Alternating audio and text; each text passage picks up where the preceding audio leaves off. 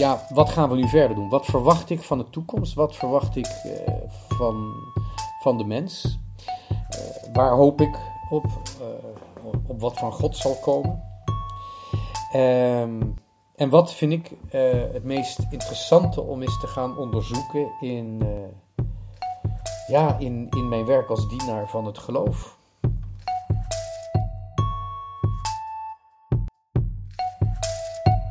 In deze podcast gaat Pater Elias op zoek naar wat echt is.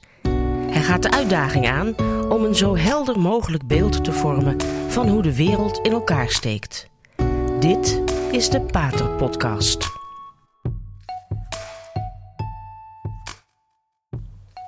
Dit is de laatste Pater-podcast voor de vaste tijd. Dus het lijkt me een goed moment om even de overwegingen van de laatste paar keren, waarbij uitgebreid toch wel het eh, Tweede Vaticaans Concilie ter sprake is gekomen. En dat omdat we begonnen te praten over de synodale weg. Om ter afsluiting nog één keer te kijken naar ja, wat mijn verwachtingen eigenlijk zijn. Wat mijn hoop is voor de tijd die nu gaat komen. Eh, want die hoop is er. En ja, wat gaan we nu verder doen? Wat verwacht ik van de toekomst? Wat verwacht ik eh, van, van de mens? Eh, waar hoop ik op? eh, op wat van God zal komen? Ehm, en wat vind ik eh, het meest interessante om eens te gaan onderzoeken in, ja, in, in mijn werk als dienaar van het geloof? Want ik ben, een, ik ben een dienaar van het geloof, ik ben een pater, een priester binnen een congregatie. Zonder diploma's overigens, afgezien van twee zwemdiploma's, eh, verkeersexamen, rijbewijs, eindexamen middelbare school, weliswaar niet Nederlands, maar toch wel een echt eindexamen. En natuurlijk mijn ingenieursdiploma. Maar ja, hoe dan ook, ik ben wel gewijd en ehm, ben dus dienaar van de kerk. En moet nadenken over hoe ga ik dat arme kleine kindje in de couveuse, ehm, in de couveuse, hoe ga ik dat verzorgen? Hoe ga ik het niet alleen laten overleven, maar hoe ga ik ook eh, dat kindje erop voorbereiden om volwassen te worden en zelfs een vruchtbaar leven te hebben? Vanuit die taak en vanuit die opdracht, verplichting zou je het kunnen noemen, maar ook met de hoop op de toekomst, ehm, gaan, we eh, gaan we nog eens kijken eh, naar, naar het concilie. En vanuit dat concilie naar de toekomst kijken. En dat is natuurlijk ehm, ook wel mooi om zo eh, de vaste tijd in te gaan vanaf volgende week. De volgende Pater podcast, die zit al, als ik me niet vergis, in de vaste tijd. We hebben het er een beetje over gehad dat dat Tweede Vaticaans Concilie wat kwetsbaarheden heeft wat betreft de vruchtbaarheid en het, en het gezin en dus ook de opvoeding. Wat kwetsbaarheden heeft door eigenlijk het verwarren van waarheid met schoonheid. Mooie teksten, maar de scherpe kantjes zijn er een beetje, een beetje uitgehaald uit die waarheid. Met name dus over de vruchtbaarheid, maar ook het filioque, dat mis ik. En eigenlijk ook had het wat marialer kunnen zijn. Nou is het, de, Maria komt veel terug, bijvoorbeeld ook in, in, in, in eh, Lumen Gentium, maar de scherpe kantjes, eh, namelijk de onbevlekte ontvangenis en eh, de ten hemelopneming van Maria, waarover misschien op theologisch ehm, gebied eh, wat, wat verschillen bestaan met andere kerken die bijna niet te overbruggen zijn. Eh, waar eh, de rivier te breed is om een brug over te bouwen. Juist die puntjes hadden wel ter sprake moeten komen, omdat dat zo duidelijk tegenover de anderen laat zien wat we te bieden hebben. Het filioque, Maria, filioque tegenover de orthodoxen, Maria tegenover de protestanten, dat is nou precies eh, het beste wat we in huis hebben. Afgezien van het essentiële wat we in huis hebben en wat zij ook in huis hebben. Namelijk, Christus is de Zoon van God. Christus is de Verlosser. Christus is verrezen. Christus is verrezen, dat roepen de orthodoxen. Christos anestie in het Grieks, of Christos was kriesse in het Russisch. Dat wordt overal geroepen. En de protestanten doen het misschien niet zo expliciet, maar die geloven er toch echt ook wel in. Christus is de zoon van God, Christus is de verlosser, Christus is verrezen. Punt uit. Dat is eigenlijk het wezenlijke, essentiële van het christendom. Maar als je niet alleen het wezenlijke, maar ook het beste wil delen, dan moet je het mededelen aan de ander. Ook al kent hij het niet, begrijpt hij het niet, of wil je het ook niet. Dit is wat ons katholiek maakt. Het is inderdaad een onderscheid dat geen scheiding hoeft te zijn, maar we moeten het niet ontkennen. En juist in deze tijd hadden het filioque en de uiterste, de extreme van dat goddelijk moederschap van Maria hadden behandeld, bekeken en uitgewerkt en verhelderd moeten worden in dat concilie. En dat mis ik een beetje vruchtbaarheid, filioque en de mariale dogma's. Die betrekking hebben op de ultieme gave van God en op de uiteindelijke bestemming van de schepping. Het heeft er allemaal mee te maken eigenlijk met iets wat ontzettend gezocht wordt door theologen die proberen de stap te maken van de genade, die ons weer kinderen van God maakt, naar de heerlijkheid, waar Jezus het op zo'n intense manier over heeft tijdens het laatste avondmaal, tijdens ja, die, de woorden die hij deelt met zijn, die hij mededeelt aan zijn leerlingen, namens God de Vader, bij de maaltijd, die veel meer is dan het laatste avondmaal, omdat het de eerste Eucharistie is. Wij kunnen nooit tot het uiterste toe begrijpen wat Christus aan ons geeft, als we niet beginnen bij het begin. En het begin van het einde is niet de arrestatie van Jezus, is niet het verraad door Judas. Nee, het begin is de instelling van de Eucharistie. Bij de instelling, het begin van de Eucharistie, is het volledige einde dat Christus ons wil geven, is aanwezig. En daarom heeft hij het over de heerlijkheid. Als je de woorden leest die Christus heeft uitgesproken, ter inleiding of aanvulling, verduidelijking van de instelling van de Eucharistie, en die woorden, die woorden worden door Johannes aan ons gegeven, dan zie je dat Jezus zich niet zorgen maakt over de genade, over hoeveel mensen er gered gaan worden. Is het nou iedereen? Zijn het er veel? Zijn het er maar weinig? Alle varianten die je binnen de christelijke kerken ziet. Hij maakt zich niet zorgen over aantallen. Hij maakt zich zorgen over de manier waarop. En daarom heeft hij het niet over de genade, maar over de heerlijkheid. En als Christus zich tijdens de instelling van de Eucharistie, als Christus zich in de oorsprong, het begin van het einde, heeft over de heerlijkheid, dan moeten wij ons ook over die heerlijkheid net zo'n zorgen maken als Christus dat heeft gedaan op die avond, in die nacht. De, de zorgen van Christus moeten wij ons eigen maken. Het is niet het probleem van Christus, de heerlijkheid, nee, het is het probleem van Christus en het is ons probleem.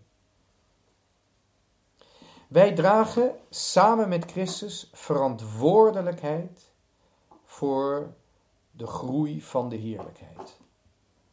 De vruchtbare eenheid in ons de vruchtbaarheid van Christus, van zijn offer, de vruchtbaarheid van ons in onze naaste liefde, dat, dat is onze verantwoording, dat is onze verantwoordelijkheid. dat wij zondaars zijn, ja, dat is Christus probleem. Dat is Gods probleem. De vader en de zoon, die hebben dat opgelost. De vader heeft het toegelaten, dus dat is al een begin van het feit dat, dat onze zonden uh, het probleem van God zijn. En, en, en ja, hij laat het toe, dus het is eigenlijk zijn toestemming. Dus ja, het is zijn probleem. En Christus zorgt ervoor dat het zijn probleem wordt, die zonde. Hij verlost ons van de zonde. Daarom bekeren we ons. Dat is eigenlijk zeggen van, poeh, die zonden, die zijn vergeven. Ik geef ze aan God. Je moet ze wel aan God geven. Als je ze niet aan God geeft, dan ben je ook niet vergeven. Maar als je die vergeving vraagt, krijg je. Dus uiteindelijk is de genade is niet ons probleem. Dat is het probleem van God. Maar de groei van de genade en de voltooiing van de genade, de wording van de genade in ons en de uiteindelijke ja, heerlijkheid die God met ons deelt, dat is ook ons probleem. En daarom heeft Jezus het daarover bij zijn voorbereidende, toelichtende en aanvullende woorden bij de instelling van de Eucharistie in die donderdagnacht die aan de vrijdag van uh, het lijden van Christus voorafgaat. En als we die woorden niet serieus nemen, en die kunnen we alleen maar serieus nemen als we ze zien in het licht van de Eucharistie waarin we geloven. Als we die woorden niet serieus nemen en als we dus ook eigenlijk de Eucharistie weigeren te geloven, als we niet in de Eucharistie geloven, dan kunnen we dus ook nooit de heerlijkheid begrijpen. Dan kunnen we, nooit, dan kunnen we iets van de genade begrijpen. Dat is hartstikke leuk. We zijn, of hartstikke leuk, interessant, ook heel belangrijk, wezenlijk van belang. Maar we kunnen nooit helemaal begrijpen hoe God met ons meegaat, niet als begeleider, maar als zielzorger, omdat Hij de eindbestemming is van die ziel. kunnen we nooit begrijpen wat de heerlijkheid voor rol heeft bij de aankomst, bij de voltooiing bij de vervolmaking, de uiteindelijke vruchtbaarheid van Gods werk in ons. En het is inderdaad waar, wanneer je te veel kijkt naar de formele kant van het geloof, wat gelovigen, wat geloven we, dan kun je inderdaad, kan het geloof opdrogen. Dan, dan ben je volledig correct.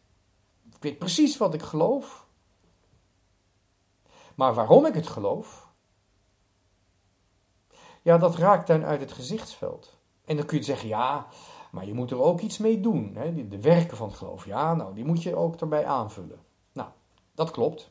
Staat ook in de Apocalyps. We zullen geoordeeld worden naar onze werken. En het staat eigenlijk met zoveel woorden ook in het Matthäus-evangelie. Dat is heel rottig, want dan kun je al niet meer protestant zijn als je zo'n belang legt bij de werken. Maar het zijn niet alleen de werken. Het is natuurlijk heel erg katholiek om te zeggen: fantastisch, de werken die, die, die brengen ook verdiensten met zich mee. Het is niet dan in het geloof. De mens wordt, geloof door, wordt gered door zijn geloof en door de werken. Maar zelfs dat is nog niet genoeg. Je moet zelfs nog verder gaan dan te zeggen: we worden gered door het geloof en door de werken. De verdiensten, de rechtvaardiging vindt plaats door de werken en door het geloof. Klopt. En het klopt helemaal, maar het is toch nog niet de hele waarheid. Het is nog niet af.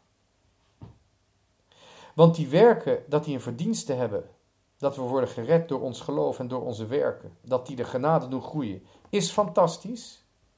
Maar dan zijn we toch nog een beetje te, te veel met onszelf bezig.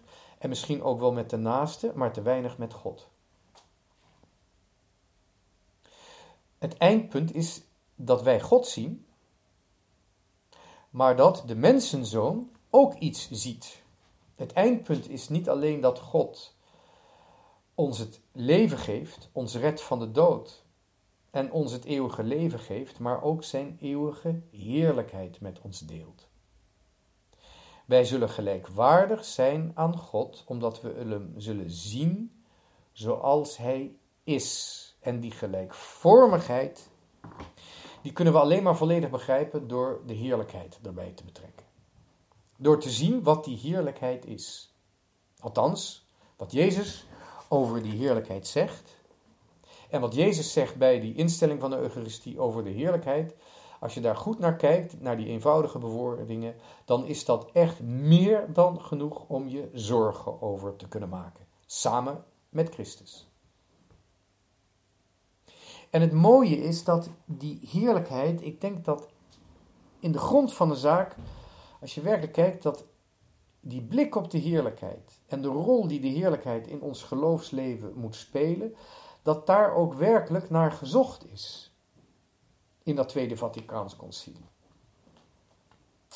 Maar doordat het accent ligt op, meer op de schoonheid bij de heerlijkheid dan op de eenvoud en de verticaliteit, de radicaliteit van de woorden van Christus bij de instelling van de Eucharistie, daardoor is het niet af.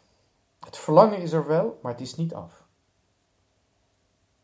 Zelfs een theoloog als Hans Oers van Balthazar, die zich heel erg bezighoudt met de heerlijkheid, die theologie, en ik heb het gelezen in mijn studietijd als, als jonge enthousiaste uh, laten we maar zeggen, fanatieke bekeerling, dat heeft mij altijd heel erg met een onbevredigd gevoel achtergelaten. Dit is het nog niet helemaal. En het komt uiteindelijk omdat die schoonheid niet goed helder wordt gebruikt in de theologie, omdat in het uiterste, in het, wanneer ik denk over de heerlijkheid, dan gaat het niet zozeer over wat ik zie, maar wat God, Gods mensgeworden zoon, de mensenzoon in ons zal zien. Het meest ultieme einddoel, de eindbestemming, de uiteindelijke zingeving, waarin we ons leven een werkelijke, krachtige, bevrijdende, vreugdevolle ordening geven, die eindbestemming is dat wij het wezen, de essentie van God zullen zien. Wat is God? Wie is God? Wat, is, wat betekent drie eenheid? Dat zullen we direct aanschouwen. En de schoonheid is meer wat de mensenzoon zal zien in ons. En zolang wij nu in deze tijd nog te veel de nadruk leggen op de schoonheid die wij zien, ja, dan zijn we er nog niet klaar mee. Dat is onvolledig. Dat is nog niet het einde van het verhaal. En het is nog niet helder genoeg over de uiteindelijke zingeving van ons leven. En daarom, als ik die, die punten waar, waarin ik de kwetsbaarheid van het Tweede Vaticaans Concilie zie, als ik die verzamel, ja, dan kom ik er dus weer op uit dat het verlangen naar, die, naar, naar, naar, een, naar woorden die ons naar de heerlijkheid het eindpunt richten. Dat verlangen is er wel, maar het is niet af. En als ik dan naar het Tweede Vaticaans Concilie kijk, zeg ik dan nee, er moet een derde Vaticaans Concilie komen? Nee. Nee. Maar ik denk dat het Vaticaans Concilie moet worden afgemaakt. Eigenlijk is dat onderscheid tussen het Eerste en het Tweede Vaticaans Concilie dat onderscheid dat door ideologen die het Vaticaans, Tweede Vaticaans Concilie zien als een ideologische partijlijn, die maken dat onderscheid zelfs niet, maar die maken er een scheiding tussen. Die zien eigenlijk het Eerste Vaticaans Concilie als iets dat een beetje verkeerd was, een beetje te rigide, een beetje te formalistisch, maar ja, dat is allemaal goed gemaakt met het Tweede Vaticaans Concilie. Ik zou bijna zeggen, die ideologen van het Tweede Vaticaans Concilie. Die accepteren, dat tweede, uh, die accepteren het Eerste Vaticaans Concilie omdat het Tweede Vaticaans Concilie dat gecorrigeerd heeft. Dus die maken een scheiding tussen het Eerste en het Tweede Vaticaans Concilie.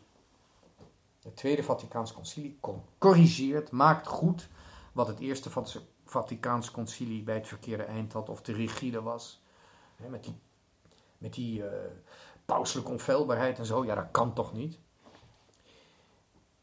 Maar die scheiding tussen het Tweede en het Eerste Vaticaans Concilie,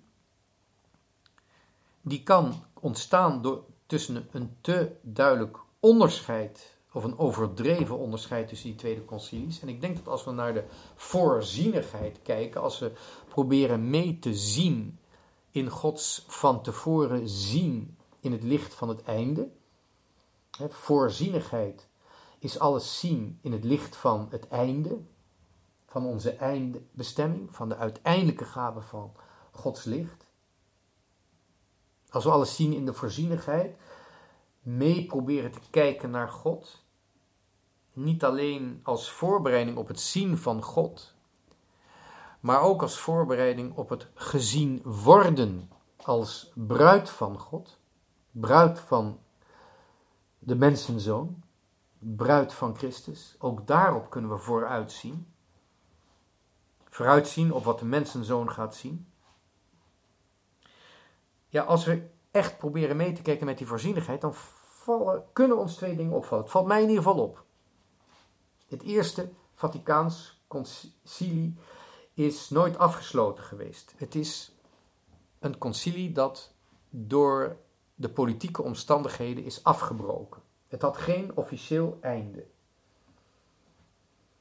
En dat kwam omdat de troepen van Garibaldi Rome aanvielen. Er was een politieke uh, onrust, er was gewoon oorlog tegen de kerk. Een oorlog die werd uh, aangevoerd door Garibaldi, een Italiaanse nationalist, in Zuid-Amerika vrijmetselaar geworden. Dat is geen complottheorie. Zelfs de vrijmetselarij zelf ziet hem als een van zijn meest prominente leden, dus daar hoeven we verder geen woord over vuil te maken. Die, de, de vrijmetselaars-ideologie van Garibaldi, die zich uitte in zijn nationalisme onder andere, dat was een gevolg daarvan, die veroverde dat, die veroverde uh, of had Rome, was Rome aangevallen op het moment dat daar dat concilie was. Het eerste concilie is nooit afgemaakt. Maar het eerste concilie, daar zijn wel twee hele belangrijke dingen gebeurd. En niet alleen de onfeilbaarheid van de paus, maar ook de onfeilbaarheid van de menselijke reden. Dus dat eerste Vaticaans concilie, door het te hebben over de menselijke reden en over de pauselijke onfeilbaarheid, dat wil zeggen zijn rol in Gods reden, de rol van de paus als bemiddelaar van de logos van God, die wil communiceren en communiëren met de reden van de mens, dat Eerste Vaticaans Concilie definieert dus eigenlijk wat een huwelijk is dat door de eeuwen heen nogal stormachtig is geweest. Je ziet eigenlijk in het Eerste Vaticaans Concilie al een huwelijk aangekondigd worden, een soort van verloving tussen de menselijke reden en de goddelijke logos. Dat zit daarin. En in feite in het tweede uh, Vaticaans concilie, dat is in feite niet een tweede concilie, ja het is wel geopend, nadat formeel even, ja dat moest gewoon kanoniek, dat eerste Vaticaans Concilie voor het Tweede Vaticaans Concilie formeel ritueel gesloten is, met een rituele administratief gebaar of een administratief ritueel, hoe je het ook noemt. Maar dat is eigenlijk de voortzetting en de voltooiing van het eerste. Want in dat Tweede Vaticaans Concilie probeert men te definiëren wat dat um, huwelijk eigenlijk betekent tussen de menselijke reden en de goddelijke logos daar gaat het eigenlijk inhoudelijk over wat dat huwelijk is tussen de mensenzoon en de nieuwe mensheid. En het wordt prachtig verwoord, maar het wordt inderdaad prachtig verwoord zoals een bruidegom en een bruid eh, worden opgetooid voor het huwelijk. Dat is een feest, het is een feestelijk document, het, is een heel, het zijn mooie documenten, het zijn feestelijke documenten.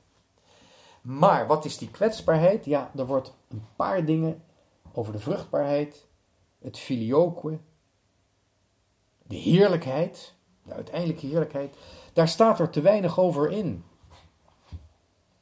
En dat is nou precies wat we nodig hebben om trouw te zijn in het huwelijk en om mede verantwoordelijk voor elkaar te zijn in het huwelijk.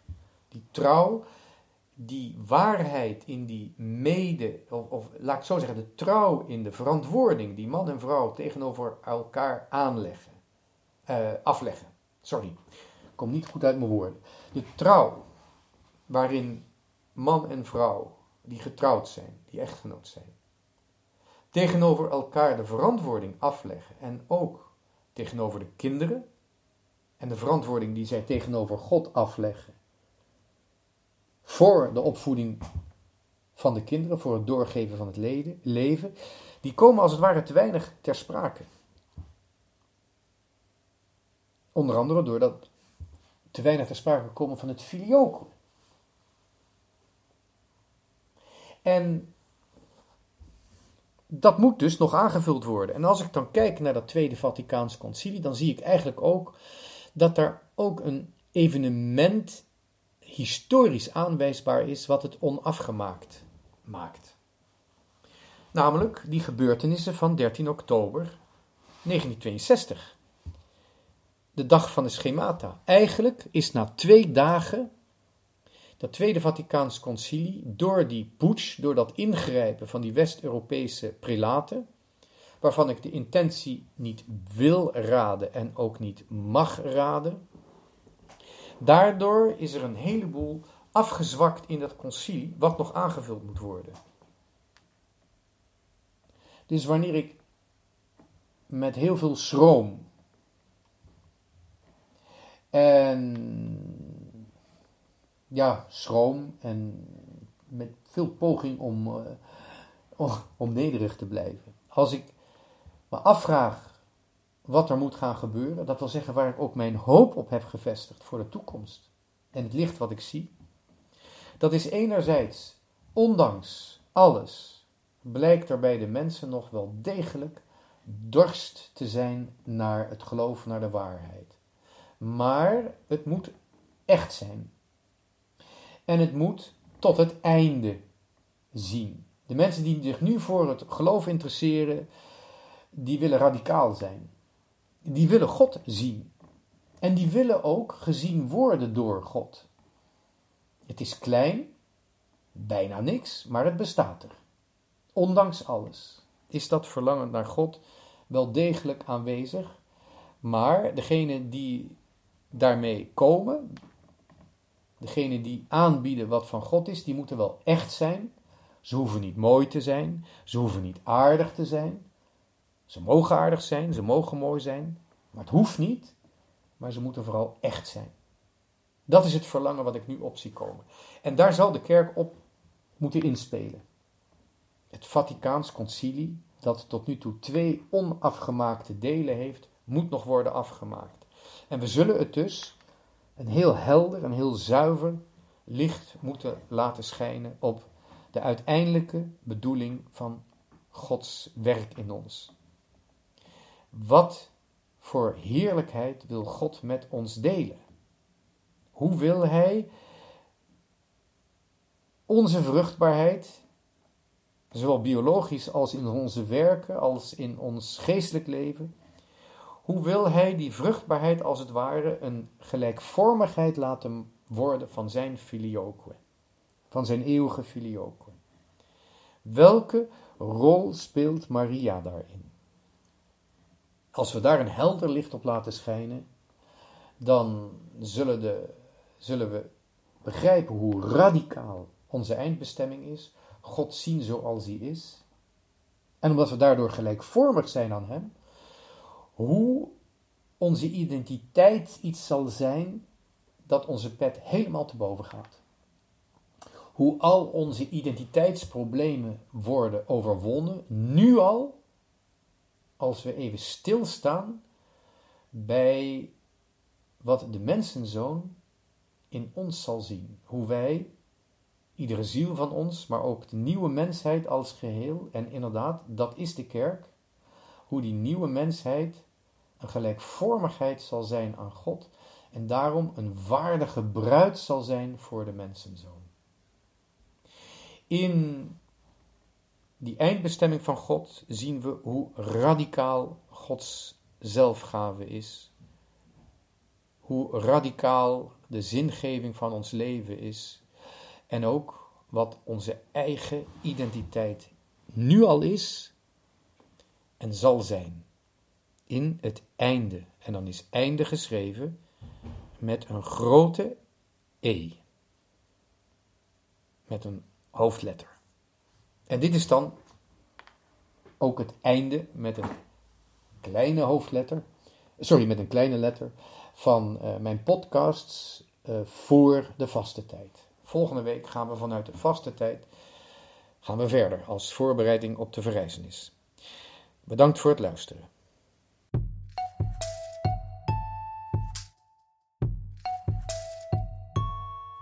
Dit was de Radio Maria Pater Podcast met Pater Elias. Deze podcast is online terug te luisteren via de website van Radio Maria en andere podcastplatforms.